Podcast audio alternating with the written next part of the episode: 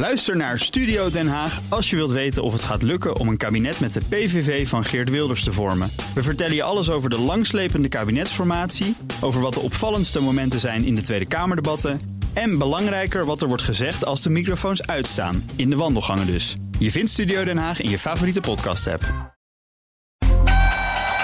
25 jaar BNR. 25 jaar relevant. 25 jaar onafhankelijk. 25 jaar betrouwbaar. En jij? Bedankt voor de afgelopen 25 jaar. Blijf dan eens luisteren en blijf scherp. BNR Nieuwsradio. The Daily Move. Kees Dorrestein en Liesbeth Staats. Goed dat je bij ons bent, want je krijgt nu het belangrijkste economische nieuws van ons. Het doek is gevallen voor elektronica-keten BCC. Want het is officieel, BCC is failliet. De bewindsvoerders hebben vandaag faillissement aangevraagd, laat het bedrijf weten. De bewindsvoerders gaan door als curator. Wat er gebeurt met de ruim 1100 werknemers is nog niet bekend. Volgens vakbond CNV blijft het personeel nog wel even aan het werk. Het uh, personeel is nu gevraagd om in ieder geval uh, nog te blijven werken tot het allemaal zeker is. Hè, dat het, uh, het pool dicht kan.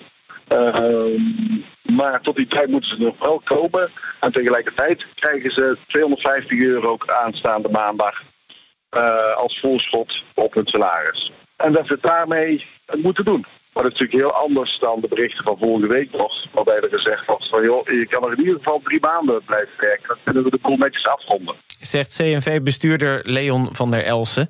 De curatoren gaan de mogelijkheden voor een doorstart nu onderzoeken. Anton Wiggers, bedrijvendokter en partner bij Themis Company, ziet die doorstart niet gebeuren. Ik denk niet dat er heel veel mogelijk is uh, met deze uh, winkelketens onder uitstraling die weinig inspireert. En uh, waarbij je de spullen uit de schappen mag halen. Dus ik denk dat dat, dat, dat station passé is. Ze hebben ook geen gebruik gemaakt van de ROA-regeling. Dus ik ga er dat ze zelf ook hebben geprobeerd te verkopen. Dat gaf ook. Uh, de bestuurvoorzitter Michiel Witteveen nog wel aan. Dus ik denk niet dat dit, dat dit, dat dit hoopvol is als gaat om verkoop aan een andere partij. U klinkt niet uh, alsof u fan bent van het bedrijf. Nou ja, Kees, wanneer ben jij voor het laatst daar geweest? En Lisbeth en Tom, wanneer is u voor het laatst bij de BCC geweest? Nou, om heel eerlijk te zijn, ik deed mijn belastingen en ik zag een aankoop in 2022. Uh, ik, ik, denk eerlijk gezegd dat ik er nog nooit geweest ben, als ik heel eerlijk ben. ja, zie daar, hè, zie daar ja. eigenlijk het probleem. Kijk, wat je, wat, je, wat, wat je gewoon ziet, en daar hebben ook klanten van ons kantoor mee te maken, hè, die iedereen verwachten na de corona-periode, waar ze ook gebruik van hebben gemaakt van de, van de steun. Hè, die, die moet je dan voor een deel terugbetalen, met name de loonheffing. Eh, toen iedereen verwachtte dat die winst zich zouden gaan herstellen. Nou, wat is er gebeurd? De personeelskosten zijn behoorlijk gestegen. De huren zijn gemiddeld 14% gestegen. Energie is omhoog gegaan. Ja, en uh, dat betekende niet dat de rendementen omhoog gingen van die winkels. En dat de terugbetalingsmogelijkheid er ook echt niet was. Dus heel veel bedrijven spelen nu ook met die mogelijkheid van... Nou, moet ik nu een ROA aangaan? Moet ik stoppen? Dus in dat kader past dit beeld wel bij wat we ook zien in de, in de winkelstraten. Maar niet alle winkels geldt dit voor. Bijvoorbeeld als je kijkt naar een, naar, naar een Coolblue, die, die opent winkels. Hè. Er zijn ook winkels die heel snel groeien. Medicamenten die grenzen in het oosten van het land.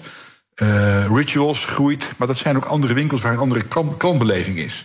Het, het, oude denken van vast assortiment, uh, vier soorten wasmachines en vijf soorten feuns, hoeft niet meer klanten willen verrast worden. Dus daar past het beeld van, van deze winkelketen niet meer helemaal goed in. En als je dan optelt het probleem wat ze hebben met die hogere kosten. En problemen met de leveranciers, ja, dan, dan is het eigenlijk ja, on, on, dat dit gaat gebeuren. Is dit een bewijs dat het de zoveelste bedrijf is wat uh, in corona eigenlijk gewoon al failliet had moeten gaan, maar door de steunmaatregelen toen nog keurig overeind gebleven en gehouden is? Uh... Ja, nou, ik denk, ik denk het eigenlijk wel. Uh, ik denk dat sowieso de tand destijds dit was gebeurd. Dat is ook van 25 jaar geleden dit woord gebruik.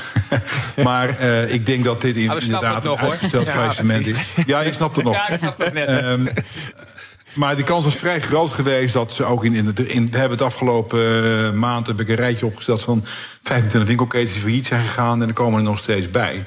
Ja, die, kijk, het kenmerk van zo'n winkelbedrijf is dat de marges zijn laag en de kosten zijn hoog. En dat betekent dat je volume moet gaan draaien. Als het volume dan gaat tegenvallen en de omzet valt gewoon voor een deel weg ja, dan ga je heel snel zeg maar, het faillissement in of dat je moet gaan stoppen.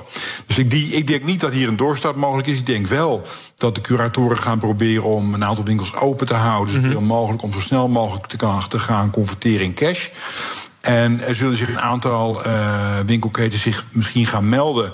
Ik weet dat uh, de CEO van Medicamenten die Grenzen zich gaat melden... omdat hij belang heeft bij een aantal winkels en misschien ook Ja, bij personeel. voor de panden, Ja, dat, zal op, dat zal op basis van de locatie... Maar ook de mensen. Mhm. eh, dat zal op basis van de locatie zijn. Want in de retail kunnen ze ook heel slecht aan mensen komen. Dus ik denk dat ze met een goed voorstel komen. Er zijn natuurlijk ook een aantal franchises die ook zwaar worden getroffen.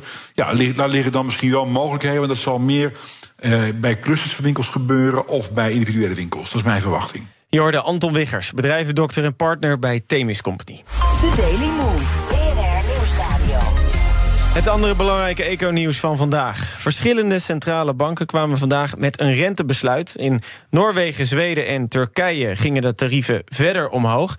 In Turkije flink omhoog ook. De Bank of England besloot verrassend genoeg de rente niet te verhogen. Jasper Lucese, hoofdredacteur van Economenvakblad ESB... verwacht wel dat die rente voorlopig op een hoog niveau zal blijven. Totdat de kerninflatie ook echt is afgezakt naar dat niveau van 2%. En ook de lange termijn inflatieverwachtingen weer, weer terug zijn naar een, eh, naar een stabiel van net onder de 2%. En de Europese gasprijs is weer aan het dalen. Dat komt door de hoop dat de staking bij productiefaciliteiten voor vloeibaar aardgas in Australië nog deze week zal worden beëindigd. Die fabrieken zijn goed voor ongeveer 7% van de wereldwijde LNG-leveringen. Door die stakingen ging de gasprijs de afgelopen weken juist omhoog. Bij BNR ben je altijd als eerste op de hoogte van het laatste nieuws. Luister dagelijks live via internet. Bas van Werven. En heel langzaam komt de zon op rond dit tijdstip. Je krijgt inzicht in de dag die komt op BNR, het Binnenhof in Nederland en de rest van de wereld. De Ochtendspits. Voor de beste start van je werkdag. Blijf scherp en mis niets.